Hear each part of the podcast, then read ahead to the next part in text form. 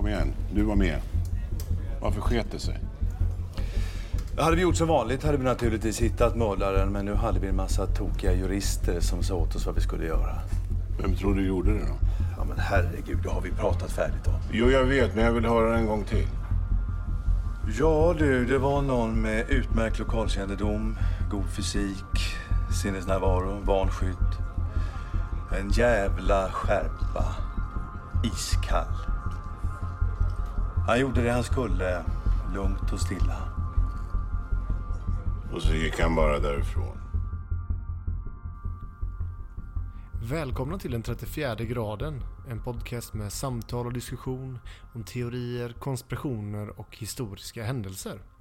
Eh, Vi är äntligen tillbaka med ett nytt avsnitt och eh, det är inte vilket avsnitt som helst utan det är ett som jag ser fram emot väldigt länge.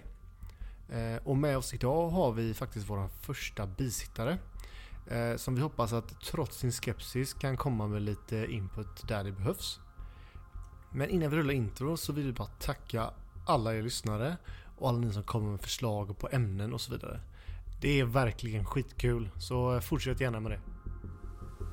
Kanalen kan idag avslöja att utredarna för ett år sedan hade ett annat spår som då ansågs mycket intressant fram till dess att Christer Pettersson greps. Det gällde en man som det fanns en rad märkliga uppgifter om. En vapenexpert med högerextremistiska kontakter som kan ha varit inblandad i mordet. Men eh, det här var också ett spår som väcker en mängd frågor om polisen själv, om förre spaningsledaren Hans Holmér och om privatspanaren Ebbe Karlsson. Kort sagt, det här var ett spår med förhinder. Ja, så det vi ska prata om idag är alltså polisspåret. Det minst utredda spåret kanske kring eh, Palmemordet, men eh, ja, jag tycker det ska bli väldigt kul i alla fall. Det känner nog de flesta svenskar till, den här utredningen med det här laget. Ja, utredningen förvisso, men polisspåret känns som att det har hamnat i skymundan de senaste 15 åren i princip. För sent, sent 80-tal där, efter mordet på Palme så jag vet att Robert Aschberg hade med det i vilket program han nu hade vid den tiden. Eh, och även SVT gjorde lite program om detta. Eh, sen har det ju mest bedrivits av privatspanare eh, som har eh, kommit med olika teorier. Och det gör de fortfarande. Ja, det gör de fortfarande. Men vi vill fokusera, eller jag skulle i alla fall vilja fokusera på eh, de här vittnena som har sett eh, poliser runt mordplatsen med eh, walkie-talkies. Och eh, att de här poliserna som var först på plats från Norrmalmsstyrkan, de var ju medlemmar i eh, den så kallade baseballligan som drevs av eh, utredare Hans Holmér. Och de, ja, de kunde ta in en uteliggare i princip och slå honom sönder och samman. Eh, och så dog, det var, vet till så dog en uteliggare i häktet för de slog, slog skiten ur honom helt enkelt. Och detta var ju allmänt känt kring polisen och kanske även allmänheten vid... Ja, det finns, det finns ju en väldigt bra dokumentär på P3 eh, om baseballligan Ja. som ni alla borde lyssna på faktiskt. Och nu tar vi ju polisspåret för att det finns så mycket material kring detta och så många spår och så vidare att vi inte kan täcka allt eh, Nej. i ett avsnitt. Så att vi har valt att nischa oss kring detta idag helt enkelt.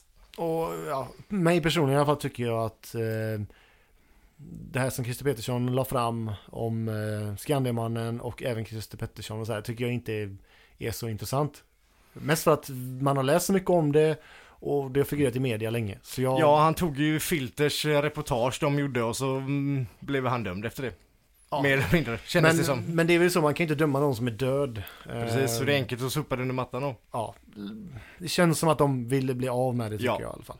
Så därför vill vi prata om, eh, vad ska man säga, det mest filmiska ämnet kan man säga. Det känns som att det skulle kunna vara en jäkla grym film om, eh, om polisspåret. Och Netflix håller ju faktiskt på och filmar en Palmegrej nu. Ja, de har väl snart filmat klart den tror jag, men det är väl det att, tror jag Robert Gustafsson som spelar Skandiamannen va?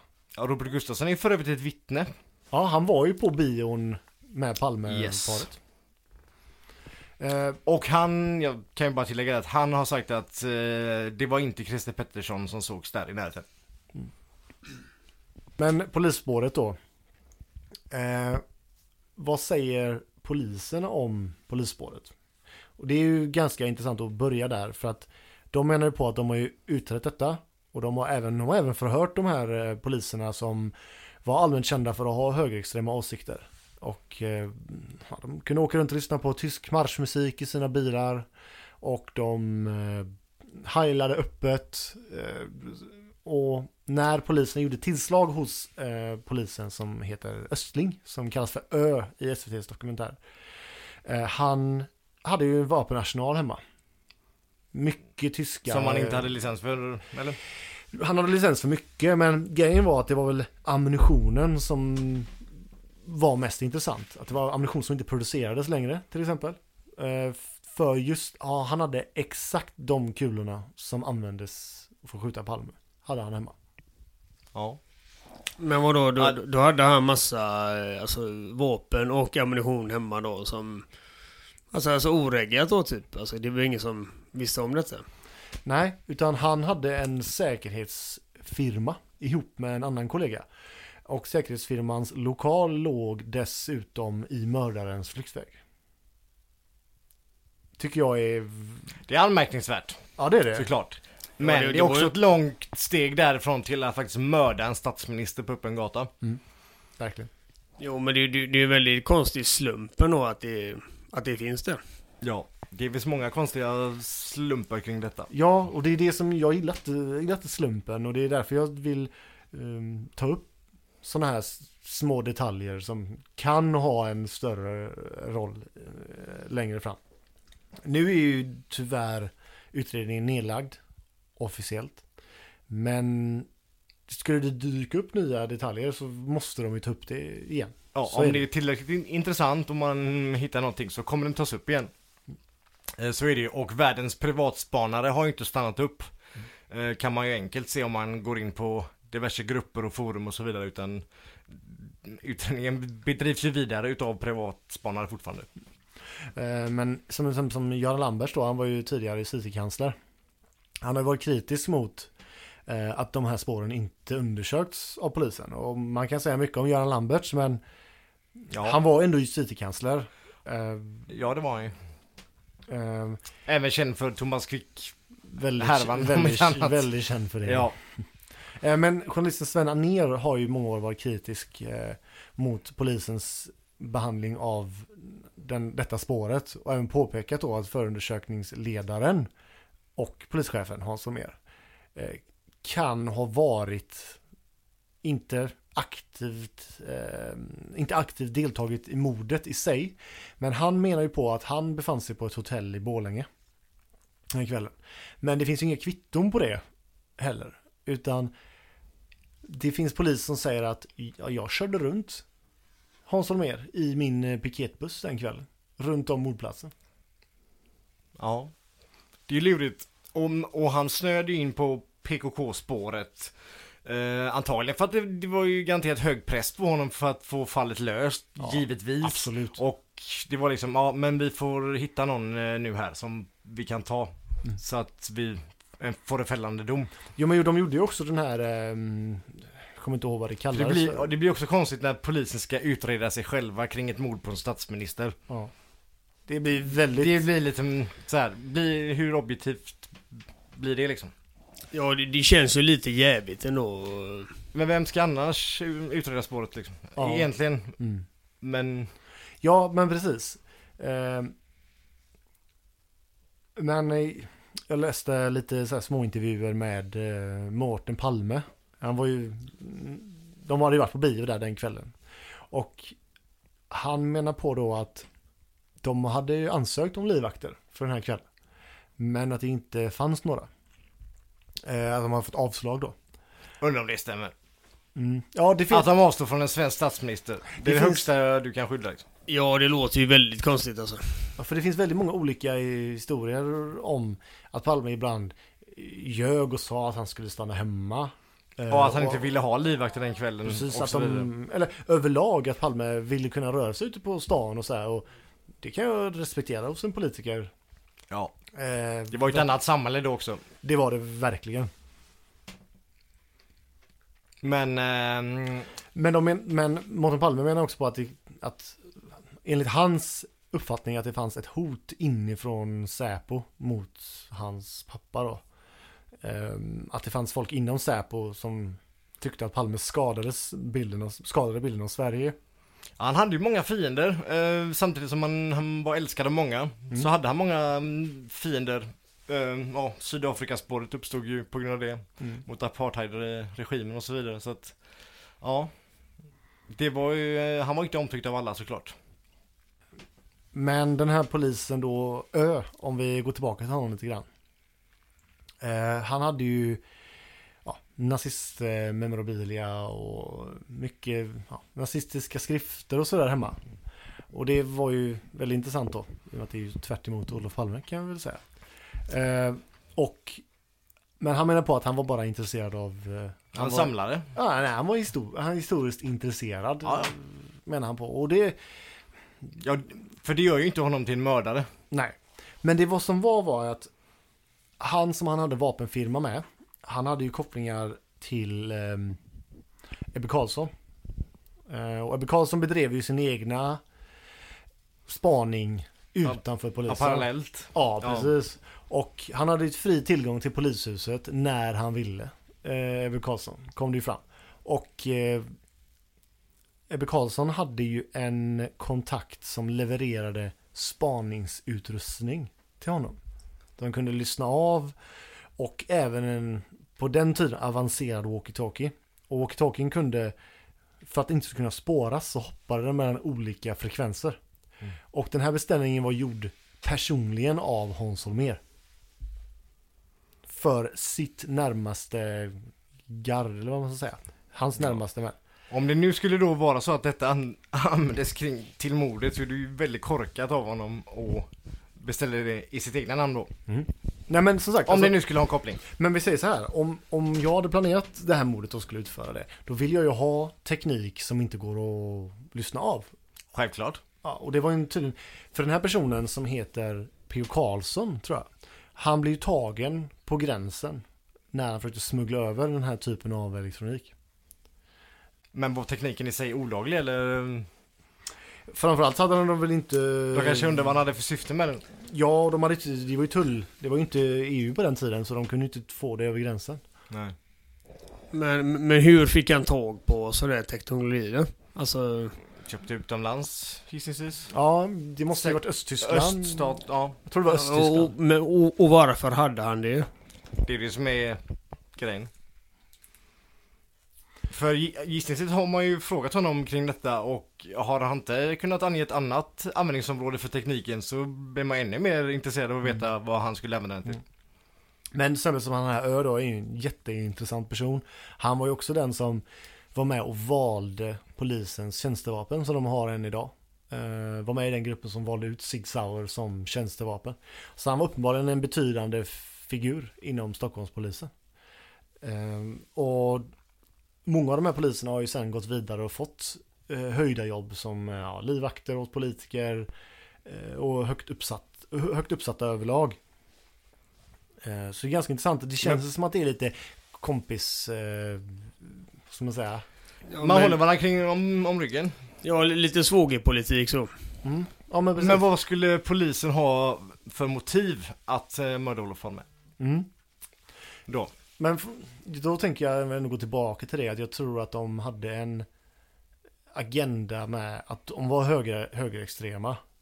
Eh, och, och Palme var, det fanns ju rykten om att han var rysk spion. Eh, Och att han, eller att han överlag hade en bra relation med Sovjet. Ja, och han hade ju en vän inställning till dem. Ja. Vad man vet i alla fall. Ja. Eh, Han skulle kunna mördats av eh, KGB. Men det, jag menar att bara inte tycka om honom, det är ändå Det är ett långt steg, där, även där säger jag till att, att faktiskt gå och mörda honom. Eh, Om du Kontra då kanske Sydafrika där det är på politisk nivå som ligger mycket högre upp. Där är det ett starkare motiv vill jag påstå Än att man faktiskt inom polis, vi tycker ju inte om statsministern, vi, vi tar honom liksom. Det är sant. Eh, Och det är faktiskt så här, jag har precis läst igenom Gunnar Walls eh, bok Konspiration Olof Palme. Och de politiska motiven och sånt, eh, det har man inte utrett. Man tyckte inte det var viktigt. Faktiskt. Och Lisbeth Palme har eh, tidigt eh, sagt till polisen att kolla Israel, kolla Sydafrika. Sydafrika koll, och ett gäng länder till. för att hitta motiv kring detta. Mm. Men det har man inte gjort. Men det är ju också intressant med, om vi bara går till Lisbeth Palme lite grann, att hon har ju knappt velat prata om det. Efter ut, hon pekade ut Christer Pettersson och det här i rättssalen så har hon ju vägrat kommentera mordet eller eh, någonting som rör Olof Palmes död. Eh, Och den utpekningen är ju en skandal i sig. Ja, det är ju någonting När du annat. en missbrukare i ett rum med nio vältränade brandmän och, sticker och, han- och, ja. säg till henne innan, du kommer ihåg att du sa att det var en missbrukare va? Ja, Och sen ska hon, sen ska hon peka ut, alltså, Mm. du ser ju vem det är i det rummet. Det är inte svårt. Men sen har vi också de här vittnena då. Det är ju en mängd olika vittnen som inte har någon form av sammanhållning emellan.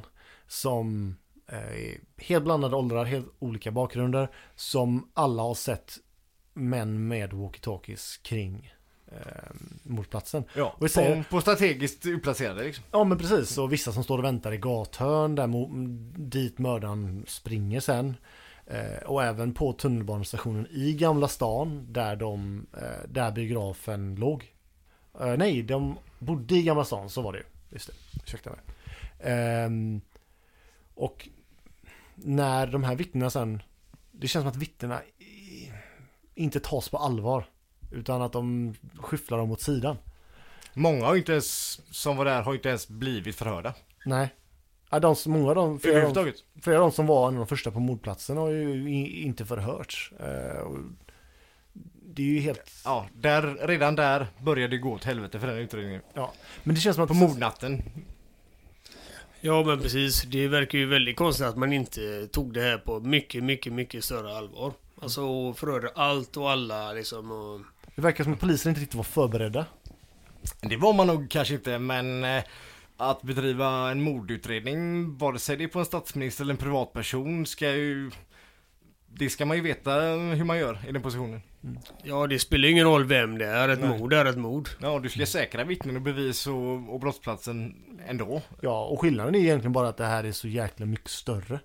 Annars är det ju, alltså förfarandet, eller vad ska man säga, Ja, processen. det finns ju bara nästan ett liknande fall, det är väl Kennedy i så fall. Om man ska dra en parallell. Ja, i alla fall i västvärlden. Ja. Eller modern tid Ja, så precis. liksom, alltså... Mm. Ja. Så... ehm, ja, det är väldigt märkligt. Ja. Nej men jag tycker att det finns ändå någonting med det här att folk, det var ju ändå 80-tal, det var lite så här yuppie-kulturen var lite på gång där och folk var trötta på socialdemokratin. Att det finns någon så här underliggande känsla hos eh, poliser som är trötta på det gamla Sverige och vill röra sig Ja, även befolkningen. Mm, Palme bromsade in det lite grann där när, ja, när man ville ta nästa steg liksom Mm. in mot 90-talet och det nya så var ju han en bromskloss där rent politiskt. eh, Så var det ju faktiskt. Eh, Men är det motiv nog att mörda någon liksom? Ja, det, tyck, det där tycker jag att det finns ett Ja. motiv. Ja, Faktiskt. fast inte för en privatperson väl så? Rent. Eller? Jo, Jo men det är ju ett väldigt långt steg till att bara gå och mörda någon. Alltså Ja, det är ju det. no- nog för att man ändå kanske tycker illa om någon men, men att verkligen ta det steget och skjuta någon rätt upp och ner så. Det måste vara någon som drabbats så pass hårt av den här inbromsningen att det måste vara värt att genomföra mordet. Ja, Tror jag. Ehm, Ja. Ja, ja men exakt. Jag menar, det, det är inte så att han råkade gå före honom i kön eller någonting utan det måste ju vara ja, ja. någonting betydligt mer. Mm. Djupt personligt Ja men det är, plan. det är större krafter bakom. Mm. ehm, vill jag Men- påstå. Men det tycker jag, jag vet, det finns ju något inslag när Leif GW Persson um, återbesöker då eh, korsningen eh, Tunnelgatan, Sveavägen. Och där Leif GW säger att han tror inte att mördaren skäms. Utan han tror att han är stolt över det han gjorde. Han tror att han gjorde Sverige en tjänst genom sitt, eh, eh, alltså sitt handlande. Och det, jag tror, jag tror det med faktiskt. Jag tror inte det här är, det här är ingen person som råkar gå förbi Palme och det är Palme och så råkar han ha en pistol. Det är ju helt, alltså, Och dessutom råkar veta att den kvällen har han inga livvakter. precis. Han är fri liksom. Och alternativt då att han ser honom, han ser paret Palme på väg till biografen. och går hem och hämtar en pistol och står och fryser i två timmar ute mitt i februari. Och sen har planerat flyktväg och allting och sånt under de två timmarna han är på bio. Och, f- Nej, det och, håller inte. och försvinner och sen håll, håll käft om det så länge och inte berättar det för någon. Ja, han håller fortfarande käft. Ja. Om han lever. Ja, och han är ju, men som, alltså, det är också det att Leif GW säger, jag kan ju inte, jag har ju ingen skytt själv så jag kan inte uttala mig, men han säger att det här är en, en person som vet hur man behandlar en revolver. Ja, jag tror att han är yrkesmördare. Ja, Det är beställningsjobb. ja, eller som sagt då, om vi går tillbaka till han Ö då, som vi pratade om innan. Att Ö hade tillgång till vap- vapnen, alltså liknande vapen, och till ammunitionen. Och han, i och med att han var med och tog fram Sig Sauer, vapnet som svenska polisen har, då har han ju kunskapen. Och han kan mycket väl ha motivet för sina högerextrema åsikter. Är han kapabel att mörda då? Ja, inte alla poliser det. Nej men skämt Nej, det tror jag Nej, men- absolut inte. Men i och med att han var med i den här råbarkade baseballligan så tror jag absolut han är, har det. Ja, kanske. Jag tycker det är... mm, motivet, som sagt, är svagt där. Ehm, men det kan ändå vara så. Mm. Ehm, såklart. Jag tror att det är större ekonomiska och eh, politiska motiv bakom dock. Ja, men jag kan tycka att det ligger någonting i det här med att han ändå eh, alltså, sitter på de här kunskaperna. Har den synen han har på människor och att han gör Sverige en tjänst. Till exempel. Absolut. Visst kan det vara så. För att om vi tittar på Le- Leif GWs bok där som sen blev en fantastisk serie som heter En pilgrims död. Ja. Fantastisk serie är det Ja, verkligen. ja, den är väldigt bra. Eh, och där har vi ju Jonas Karlssons karaktär som han påverkas ju personligt. Han förlorar en, en hög tjänst på grund av Palmes närmaste man. Och i, liksom, i affekt i princip anställer en professionell mördare för att mörda Olof Palme. Um, och jag tycker den, det är inte alls, inte alls orealistiskt. Nej, och um, ja, GW kastar in sina teorier och, Ja. blandar runt lite grann. Och det, gjort det, är ju tre, tre böcker är det som Mm. har blivit ehm, en pilgrims död, Ja, tror jag. mm, Eller, nej, eller, om det är två, ja. i alla fall. Ehm, och eh, Leif GW Persson har ju också sagt att jag vill bara stilla min egen nyfikenhet. Mm. Så om mördaren är i livet, ring bara mig så kommer jag betala dig en ansenlig summa. Jag kommer inte läcka det till någon. Ja, Jag vill, jag vill bara veta själv. Ja, du, får, du får vara helt Du anonym. får vara helt anonym. S- Som Men vi du alla måste- vill. Ja, bevisa det bara för mig att eh, det var du. Jag vill bara veta innan jag dör liksom. Jag betalar. Därför att vad jag har förstått det som som sitt, Det är en klassisk bild när Hans Holmér sitter med två pistoler, en i varje hand så det är en klassisk bild. Men när vapenexperter gör liksom undersökningar av kulan eh, och sådär så kan de kan det ju vara från en mängd olika eh, kaliber eh, och tillverkare. Ja, ja. Men han var redan säker direkt. Att de går ut med säkerhet på sina element, de går ut med säkerhet på vapen så tidigt i utredningen. Jag har svårt att tro att det är... Ja, jag tror mm, återigen det att man har den pressen på sig uppifrån att det här är en sak man vill lösa eh, för att visa svenska folket att ni kan lita på polisen liksom. Det här löser vi. Att, en, en quick fix. Mm. Det här fixar vi liksom. Mm. Och då snöar man in på någonting till slut och bestämmer sig för det. Mm. Och så... Fast det var ju det liksom att de hade inne en viss... De tog in eh, vänsterextrema på förhör, de tog in högerextrema på förhör. eh, Och för att se ifall det fanns något... Eh, någonting att hämta där. Men de människorna släpptes ju sen. Och när det var borta och när eh, PKK-spåret var borta. Då stod de ju där liksom. Eh, och, Ja, och inte och visste hur de- slutade ju han som förundersökningsledare. Ja, precis. Ja. Och, men sen fortsatte de med Ska det tilläggas där att han sa då när han slutade att eh, han tyckte inte att eh, motivet kring mordet var speciellt viktigt att gå in på. Mm. Mycket märkligt. Ja, det, det känns ju som Med det tanke på absolut vem det är som har mördats. Ja, det, det, och det, har han, det han sa han då till, eh, det är väl eh, justitieutskottet då, tror jag, eh, som han sa det till. Att det var inte, motivbilden var inte, man, det tyckte man inte vid det till, den tiden var motivbild för ett mord var inte så viktigt i utredningar, tyckte man. Ja, det, det, är ju- det är ju jävligt underligt. Ja, med tanke på vem det är så är det väldigt konstigt. Och eftersom man hade så många fiender så um, struntar man i det.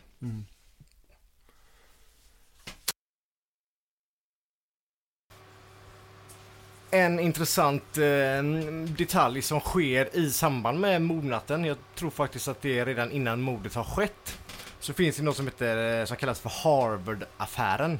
Mm. Eh, där Olof Palme blev eh, inbjuden att tala på Harvard. Eh, men avböjde mm, arvode då kan det heta att nej men Men min son Mårten Palme Han är väldigt intresserad av att börja på Harvard. Helt plötsligt blir han antagen där. Och detta dök då upp i media och man eh, ifrågasatte att inte detta skattepliktigt en sån förmån och bla bla bla, bla och sånt. Och det blev en utredning, det polisanmäldes och så vidare. Men kring 18-tiden där den 28 februari försvinner alla spår eh, av det överhuvudtaget. Det, det finns inte att hitta, den utredningen. Det försvann. Så bara. Och detta vet vi från en... eh, Mycket säker källa. Förstahandsinformation ja, är detta. Ja, det Och det finns även att läsa på om. Så Harvard-affären är eh, inget påhitt så. Utan ni kan ni googla och läsa om. Ja, det var ju väldigt underligt. Mycket märkligt.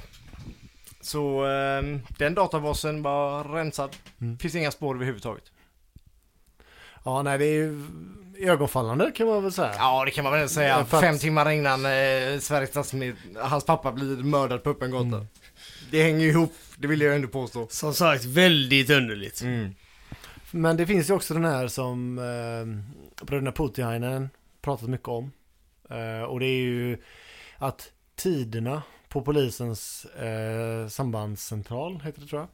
De stämmer inte överens med tiderna så som det egentligen hände. Utan ambulansen kom in vid en annan tidpunkt på sjukhuset och kom till en annan tidpunkt på mordplatsen än vad de egentligen gjorde. Eh, och det blir så här att någonstans var det ju någon som gjorde fel. För jag gissar att det inte fanns något automatiskt system utan att det var eh, någon som noterade. Mm, Att det var mycket mer manuellt på den tiden.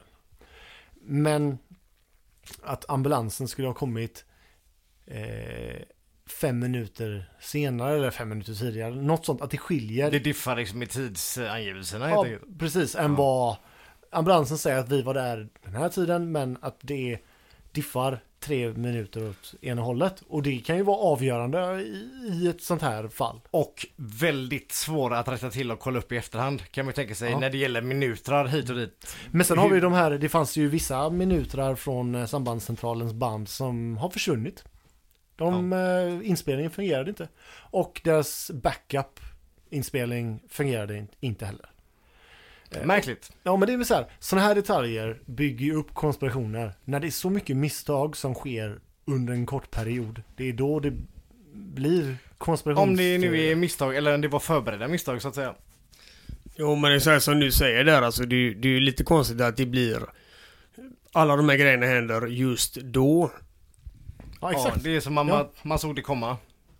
Ja. Eller att var svenska polisen så jäkla dåligt förberedda på en stor operation? Jo men alltså, alltså alla gör ju fel ibland va. Men, men att det händer sådana här fel just då är ju Ja, Med tanke, väldigt med märkligt. tanke på prioriteten ett sånt här fall har så borde det även ligga i polisens intresse att göra det absolut, absolut bästa polisarbetet man någonsin kan göra. Ehm, för det skulle även gynna dem själva om de skulle kunna hitta han som faktiskt gjorde det då. Ja, ja. Så att de känner själva på uh, att göra sitt yttersta där verkligen, men man slarvar ju direkt. Jag skulle vilja bara ta upp en, det finns ju lite olika teorier om eh, polisens inblandning. Eh, och jag vet att du här var en gäst, känner, har aldrig talat om detta innan, men det finns en, en kille som heter Claes Hedberg. Han håller föreläsningar om, jag tror han kallar det för att vi är ett lurat folk. Och där pratar han om att Palme lever fortfarande. Att den personen som blev mördad var en skådespelare som spelade Palme. Är det det här som är med, med att han hade hiv eller aids och Precis, sånt att, också? eh, som att är... Olof Palme hade hiv. Han är en homosexuell älskare.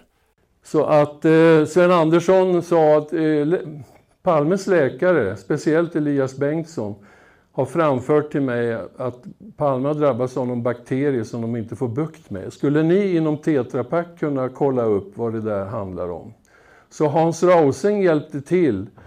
Fick svar ifrån, från sina medicinare i Sydafrika och i USA att det där är inte någon bakterie utan det är ett nytt virus som benämns HIV.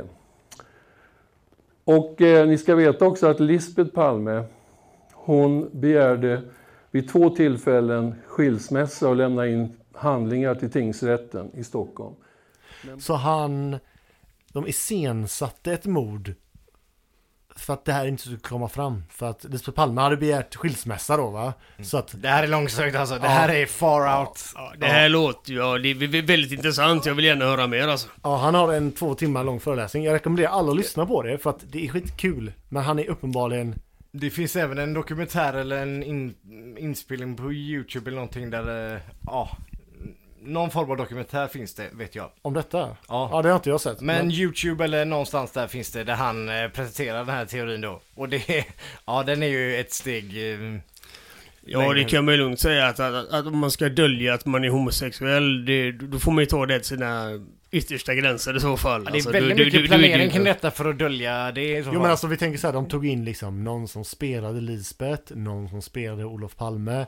ehm, och sen hade vi också med att eh, många inom... Men han flydde till Frankrike då var det väl va? Ja precis, för att de Ja. hade ett, det var ett, ett, ett plan som, privatplan som stod redo då på Arlanda för att flyga riktiga Lisbeth och riktiga Olof Palme då till Frankrike. Men med tanke på ändå att det, det här fick internationellt fokus så borde ju någon rimligtvis ha snappat upp honom i Frankrike någon gång under alla år. sedan. För att han var ju väldigt känd, han var ju ja, jättekänd. Ja, ja. Det, det låter ju som väldigt mycket roddande för, för en sån trivial sak egentligen. Om man Ja. säger så. Jo, Men det är så att de ville inte att han skulle tappa ansiktet i princip, så de... Eh, fast det var ingenting han var rädd för för han stötte ju sig direkt och skapade sig många fiender så att... Ad, ja.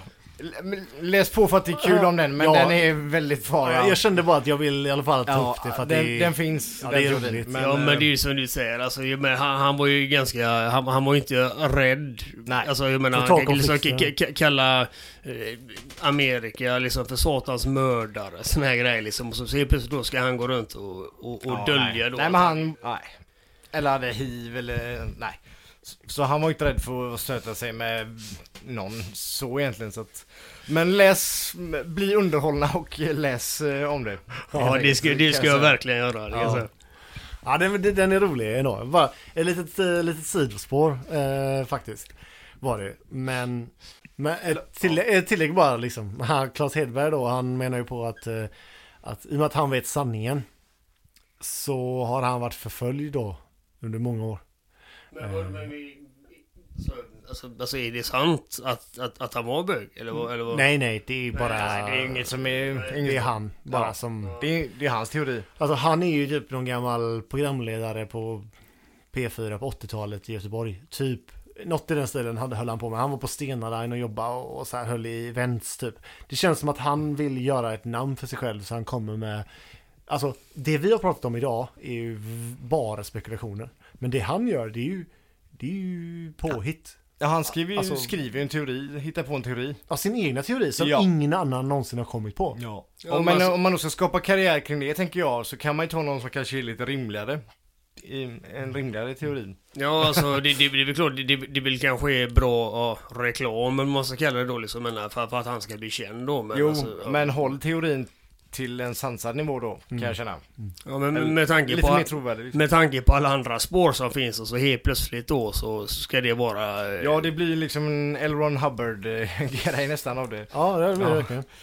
Ja. Ja. för han um, menar ju på att det fanns Säpo-vakter som var köpta då, som hade, som all, att det finns flera Säpo-vakter som vet om detta. Liksom, som visste, alltså att, att det här var som en stor teaterpjäs som utspelade sig. Ja, i så fall, well done. Det kan man ju lugnt Ja, säga. Att, att, att, att, att Men det skulle nej. vara ett kärleksmord låter också jävligt... Och hade det varit så många inblandade i detta så hade det läckt. Det hade Alltså, kommit fram till slut. Ja, framförallt om du tar in en skådespelare och spelar Olof Palme och sånt. Mm. Det, det skulle komma fram. Ifall Ja. folk inom Säpo håller käft och så här. Jag kan, jag kan köpa det för att det är deras jobb. Men en skådespelare som blir inhyrd för att spela Olof Palme. Ja. Svårt, svårt. Ja, det kommer han berätta på sin dödsbädd i så fall. Ja, liksom, och det, alltså det är... Ja, det är ett väldigt stort projekt. det, det låter som att det, det här hade ju kommit fram. Någon hade ju kommit på det. Bara hallå så. Här Ja. sitter jag nere i, på franska rivieran. Inte det Olof Palme? Liksom, alltså, Ja, det, det här är ju mycket svårare än att eh, filma månlandningen som fake. Ja, Det här är ju svårare. Jo, för att Olof Palme... I, I en rörande stadsmiljö Ja, liksom. yes, för då får ju han- he- Helt klart. Ja. Då får Olof Palme sitta gömd någonstans i ett hus resten av sitt liv. För att det är väldigt mycket svenskar som framförallt åker, till- alltså, som åker till franska rivieran. Någon kommer ju se honom. Alltså, ja, och han var ju internationellt känd så att... Han var är ju ett väldigt dåligt gömställe i så fall. vad är, Det- men är han en av de mest kända svenska politikerna som funnits? Den mest kända, skulle jag säga. utan Ja, tvekan. Ja, skulle jag säga. Men, Absolut. Men Det, det, det är väl möjlighet till paritet med eh, Gudrun Schyman då. eh. Carl Bildt är internationellt känd i och. Ja, in, Av men andra det går skäl kanske, jämföra. Ja. Av andra skäl. Ja, hans, hans blodsmiljoner. Nej, men... Eh, Eh, men om... Jag vill bara vända tillbaka lite snabbt här till eh, baseballligan då. Som var... Jag tror, jag tror det var 70-tal, tidigt 80. Eh, lätt av Hans Holmér. Ja, alltså det var ju ändå eh, ja, snutar som bara, ja, de tog på sig civila kläder och ja, baseballkepsar liksom. Och jagade ner eh, ja, diverse langare och sånt och gav dem... Alltså, ja, låg, Bankar skiten i dem helt alltså enkelt. låg, he- helt enkelt. Ja. låg kriminella då pratar vi om. Ja, alltså det är som gem- gemene langare. Alltså en, en vanlig grabb typ som hade en 5-10 gubbar, gräs kanske, som skulle sälja det och så ja, blev sönderslagen helt enkelt. Ja, okej. Ja, ja. Ja, för att många av de här medlemmarna, vi har jag har ju pratat om de här innan. Eh, men det var ju ganska nämnvärt då, för att när FOA då fick in de här kulorna från mordplatsen. Eh, för det första så var det så att de spärrade av ett alldeles för litet område. Så kulorna hittades ju två veckor senare. Av en privatperson väl? Ja, Ja. 100 meter utanför avspärrningen eller 50 meter, eller något i den stilen. Och det blir väldigt så här. Jaha, vad... Hur fan sköttes, sköttes den här utredningen liksom? Men FOA var ju så att de fick in kulan och de eh, ja, noterade den och fotograferade den och gjorde alla typer av märkningar. Och när de sen ställde den kulan mot kulan som var hemma hos han Ö då, Östling, den här från Norrmalmspiketen. Då var det en Winchester Western 357 ammunition som var kopparmantlad. Eh, och den är då eh, gjord för att tränga igenom skyddsvästar. Men var det vid tiden en ovanlig ammunition för poliser eller i andra länder eller? Har aldrig använts inom svenska polisen. Nej nej. Men Aldrig. Var den Eh, vanlig i övrigt liksom? Eller nej. Var, var det en sällsynt ammunition? Det var lite det jag skulle komma till för att eh, sista meningen från FOA var understruken. Och personen på FOA då tyckte att det var en ovanlig ammunition för att den tillverkas inte längre. Och ehm, alltså de de har liksom strukit under den meningen för att verkligen poängtera att det här kan ha varit exakt, alltså från samma eh, vad ska man säga, inte magasin men samma produktionsdel som gjordes, alltså som producerade Palmekulan. Ja, samma batch? Ja, samma batch liksom. Mm. Ja, Ja, för det är ingen vanlig jaktammunition liksom. Nej, och det är heller ingen vanlig eh, ammunition som används i en, eh, i en polis, alltså tjänstevapen för en polis. För en svensk polis? Nej, Nej. jag tror, inte, jag tror inte det finns någon polis. Nej men säg Som- att du skulle vara yrkesmördare skulle du säkert ha den. Ja. Eller, Ja, ja, som, pre- eller som Ö då, var vapensamlare. Ja. För han hade ju skarpladdade vapen hemma. När gjorde tillslag. Härligt. Ja. Safe? Ja, det, det, better safe than sorry. Han hade ju också eh, ja, eh, kartor över olika, alltså liknande som, som Sovjet hade över eh, svenska städer. Han hade också eh, rökgranater, eh, såna här, säga, flashbangs eller vad fan de nu heter på svenska, det vet jag inte. Eh, Ja, ch- chockgranat tror jag det kallas. Ja, chockgranat. Ja. Han hade cirka 6000 patroner hemma. De flesta var inte lagliga i Sverige, patronerna. Men han hade tillstånd för de flesta vapnen. Och vissa var skarpladdade. Det är väl värt att lägga. Ja det är ju helt... Ja, det Alltså- så, så farligt som det kan bli liksom. Alltså chansen finns väl ändå att han kunde ha varit en lajvare också. Vem vet? Ja. Nej men de, är det, är det Ja. samlarvapen dessutom av eh, äldre skick kan ju de gå av utan att han har en chans att stoppa det liksom. Om man inte servar dem ordentligt tänker jag. Ja men om de är laddade som du säger liksom. Ja, men tänk, alltså en polis, alltså en polis som har skarpladdade vapen hemma. Många. Om han är ute och dricker lite bärs. Och jag menar det händer ju att folk får snedtändningar. Jag menar, Ja men de kolla på och, Mattias och de han inte har licens för heller, det är ju brottsligt. Ja. Jo men han, jag tror att han, vapenbrott. han åkte ju på det sen. Gjorde han. Han åkte, han åkte på de vapnen. Eh, givetvis. Ja. Just, och även att de är skarpladdade så, då blir han ju av med alla sina licenser liksom, mer eller mindre. Eh, men han blev ju sen, eh, fick ju livvaktstjänster då som jag nämnde förut.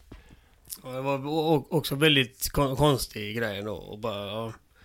Ja men det finns, alltså vara vapensamlare av eh, med historiskt motiv är väl en sak men eh, de människorna har inte skarpladdade vapen Nej, hemma. och dessutom brukar de ju vara pluggade i så fall. Ja, Alltså, absolut inte laddade. Mm.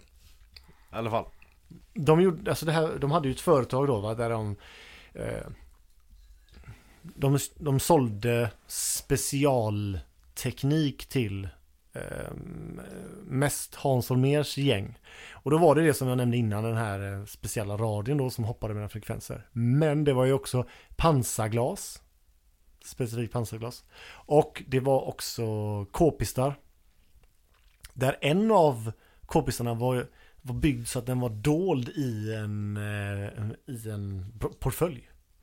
Så Men- du kan bara öppna den och plocka ut en k-pist liksom. Men just pansarglas känns ju som en grej som Säpo jobbar med till exempel. Tänker jag. Eller? Ja, men just att det här var specifikt på inköp av Hans Holmér. Det, är sånt som, det här är sånt som Sven ner eh, privatspararen då har pratat om i många år. Har Eh, man frågat eh, Hans Holmér kring det?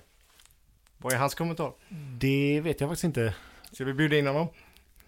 Ja, det hade varit något. Eh, Men men, det, det är ju en början i alla fall. men det som är också intressant av de här, för de här inköpen tycker jag är att de är de köps in utan insyn av polisen. Utan de köps in och när köpen väl har gjorts då får polisens, de som är ansvariga för det, då får de reda på det. Och det är ganska anmärkningsvärt tycker jag. Ja, Okej, men säg det att den leveransen kommer då, nu har vi köpt de här grejerna. Hur hanteras de sen? Är det in i vapenskåpet då eller ger man det till de personerna som ska... Nu ska ni ha de här för en grej. Jag tror att om man är så högt upp som Hans Holmér var vid den här tiden så tror jag inte att det ifrågasätts. Det, nej, det dokumenteras inte liksom utan det tas vid sidan Man av. registrerar köpen och så Ja. Det är också väldigt underligt, men om jag hade gjort det så hade man ju garanterat blivit granskad ganska hårt. Självklart. Men eh, ja, då ska man ju inte dokumentera det från första början om man ska smyga med det egentligen. Nej. Men de här, eh, de, de var ju... Alltså, den här eh, avancerade radio... Kommunikationsradion. Den var ju framtagen av CIA och FBI. Till exempel. För att undvika avlyssning. Men det kan ju också vara så att Sverige köpte in den på prov för att se om svenska polisen skulle kunna ha användning för den. Eh, så. Mm. så kan det också vara. Ja men, du, men, men jag vill Jo. bara, varför jag nämner egentligen den här radion? Det är ju för att eh, det var ju en, eh, jag tror att han var en radiopersonlighet för den här perioden. Han satt ju någonstans runt i området. Och så hade han en polisradio eh, i bilen som han lyssnade av för att få färska nyheter då kan man säga. Han hörde ju två poliser stå och prata, det här känner du till. Att de står och pratar och säger Hur har ni det där uppe? Och så svarar den andra Det är skitkallt. Och så blir det tyst och så säger den tredje eller om det är samma person igen Statsministern är skjuten. Och det här är enligt hans klocka precis när mordet har skett. Vilket de här poliserna då säger Polisen då att de, de var narkotikaspanare. Men de hade... Tänk vad det kan slumpa sig. Ja, exakt. Tänkte precis säga det också. Ja, vilken slump. Ja. Nej, men som Och sagt, det där är ju gre- grejer de självklart inte vill gräva vidare i. Att utreda sig själva kring ett mord på en statsminister. Ehm, Det är väldigt, alltså det är jättekänsligt, det förstår man ju. Ja, Men, och då förstår jag att man då att det är enkelt att av, nu skriver vi av det här mordet, det var Stig Engström, han är död, vi kan inte åtala honom. Mm. Så är det sopat under mattan och så är vi av med det. Ja, det, men det var ju samma med Christer Pettersson. Yes, du behöver en syndabock, smack. Mm. Så tar man... ja, men Tar man den sämsta man kunde Ja, hitta. men Krille P liksom. Ja, men en kille som gärna ställer upp i, på intervjuer och säger att det var han för att tjäna pengar. Ja, han fick ju betalt varje gång han gjorde det. Ja. Exakt, Ja, men, så var det. exakt. Ja, ja, Det är visst. ja. Men det... Han yttrade ju också mer, ja, på sin dödsbädd där, Gert Fylking var ju hans kompis, de var ju ofta, Ja. figurerar ofta ihop i Mm. tv när han skulle erkänna och så vidare. Eh, och han sa ju då kort innan han dog där att han hade någonting han skulle berätta till Gert Fylking. Men det var väl samma grej igen, kan man ju Ja. anta. Var eller, ju, eller så var det, jag ljög hela tiden. ja. Men, men, men det luktar ju som att han ändå fick betalt för att sitta av Det den här tiden. Alltså, jag menar? Alltså att Men det, han satt han någonsin någon tid för... Ja, han har ju mördat en människa, Christer Pettersson, med gjort. bajonett. Ja. Eh, så, det, så han dömde sig för dråp tror jag. Mm. Ja, alltså det, det, det, Eh, var ju... men men eh, han är inte fälld. eh, Ja, han fälld i tingsrätten. Ja, han friades ju av hovrätten. Så han har ju inte suttit för mer än att han var Men häktad. återkomma till precis efter det här med när Stig Engström-grejen uh, haussades upp av, eh, av Petersson. Då var det ju så här. Filter. Ja men precis. Men då sa ju så Leif GW som gick ut med sin egna tidslinje. Där han pratar, där han tycker att det är orimligt att Stig Engström ska ha kunnat komma dit i tid för att begå mordet. Ja, och då har han plussat och dragit ifrån minuter och sånt och haft marginal Och för detta GV. Han har varit generös med marginalerna. För Ja. när han stämplar ut på jobbet, då säger vakten på Skandia att vi stod och pratade ett par minuter. Stämpelklockan ljuger ju inte utan den är ju konkret. Men att hur länge de pratar är vakten lite osäker på om det är två eller om det är tre minuter. Ja. Men då har Leif GW tagit en minut extra. Han har ju tagit höjd för alla moment fram till mordet helt Ja, och enkelt. då måste ju i princip Stig Engström ha sprungit till mordplatsen, skjutit Palme och sen sprungit direkt till tunnelbanan och tagit tåget hem. Ehm, För nästa dag skulle han åka på skidresa. Exakt. Ja, och han, han, han, han, det det är väl ingen atlet om man ändå... eh, Så sett. Stig Engström, har du, har du sett de videorna där han springer? Han Oj, visar hur springer. snabbt han springer. Ja. Jag tror att han slog svenskt rekord under den tv-inspelningen. ja. Men som sagt, att göra detta, att ha sinnesnärvaron, att gå direkt från jobbet, fatta att Palme är där just då, råka ha med sig pistolen, skjuta Palme och Lisbeth Samma, Palme. kväll, ja, samma kväll som han inte har något skydd heller. Ja, och sen åka på semester med familjen dagen efter. Ja, nej. Ja, men Nej. vet, det, det kanske är en iskall jävel. Men, Men, och sen dessutom dyka upp i media, ställa upp på intervjuer, kontakta polisen att jag vill lämna vittnesmål. Alltså... Jag vet inte, jag... Nej, det, det, det, det låter som att, det låter inte som en han mördare. passar inte in på den profilen. Nej, Nej. det tycker inte jag heller. Nej. jag, jag Det tycker det, är en- det, här jag låter som en Christer Pettersson-grej. Mer, mer som en Christer Pettersson. I så fall ja. Ja. För det är för mycket slump att Ja. det skulle kunna vara honom med Men tidslinjen. Christer Pettersson, han var ju på plats ungefär i det området. Han var ju på den här spelklubben Oxen eller vad den heter som var typ olaglig spelklubb. Han var ju där, det vet ju polisen. Och hans langare bodde vi i närheten också. Ja. Så han har befunnit sig i området. ja, och, Men det gör ju inte honom till mördare. Nej, men jag vet inte, jag personligen tycker jag nog att Christer Pettersson verkar vara en mer eh, trolig mördare än eh, Stig Engström. Ja, i så fall. Eh, Men det är ingen av dem, hörde jag. Ja, det var Ändå. fan- Ja, Nej, jag... Men, Det är ett beställningsjobb. men det är det som är kul att vi sitter här och Det- det- det spekulerar. För, för en vanlig gubbe är inte så vass att han kommer undan med detta. Alltså, Chris- jag menar, tror inte Stig jag. Engström var ju men, aldrig... men, men, men Christer Pettersson måste ju ändå, han hade nog roligare saker för sig. Och han, man får inte bara för sig att nej fan för skojs skull ska man gå och klippa en statsminister. Utan han hade nog antagligen mycket Själv- viktigare saker. Typ dricka grogg hemma eller... Ja, men så här, mitt, mitt i vintern ska Christer Pettersson få suget att eh, döda Palme. Ja. Men jag vet inte om ni kommer ihåg det? Och på- undan med detta. Ja, men han, bo, han klassas ju då som vanlig vanlig gubbe, knegare, alltså Stig Engström. Ja, Stig Engström Ja, ja, så- Han var reklamare på Skandia. om man då skulle dra samma parallell till oss som vanligt folk. Vi skulle aldrig lyckas att komma undan med detta. Nej, Det finns ju inte så- chans-. Ja. Men det som är ju, alltså, det, kom ju en dokumentär för några år sedan på SVT eh, som handlade om, det var några snubbar, de hade ju köpt Kirsti Petterssons gamla lägenhet tror jag. Och då hittade de i källaren fyra sopsäckar fulla med hans tillhörigheter. Och det var gamla bandinspelningar, gamla böcker och sådär. Och ingenstans, alltså det här är, vi pratar alltså om eh, material som polisen aldrig ens sökt igenom. Och de hittar ingenting om att han var Palmehatare. Han har inget motiv. Nej, där finns det absolut inget motiv. Exakt. Nej. Alltså, ja, detta ämnet är så här.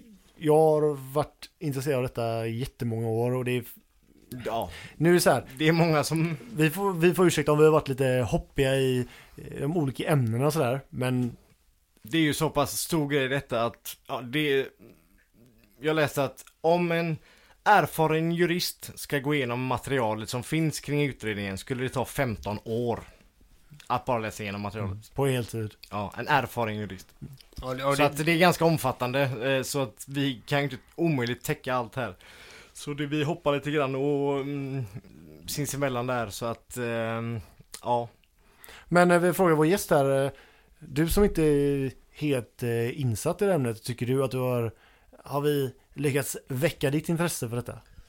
ja, helt klart. Alltså det, är ju- det är ju lite eh, väl konstiga historier och alltså saker och ting som sker som, är, som, ändå, som ändå är värda att tänka över. Alltså och, och det, det är ju jävligt underligt vissa saker.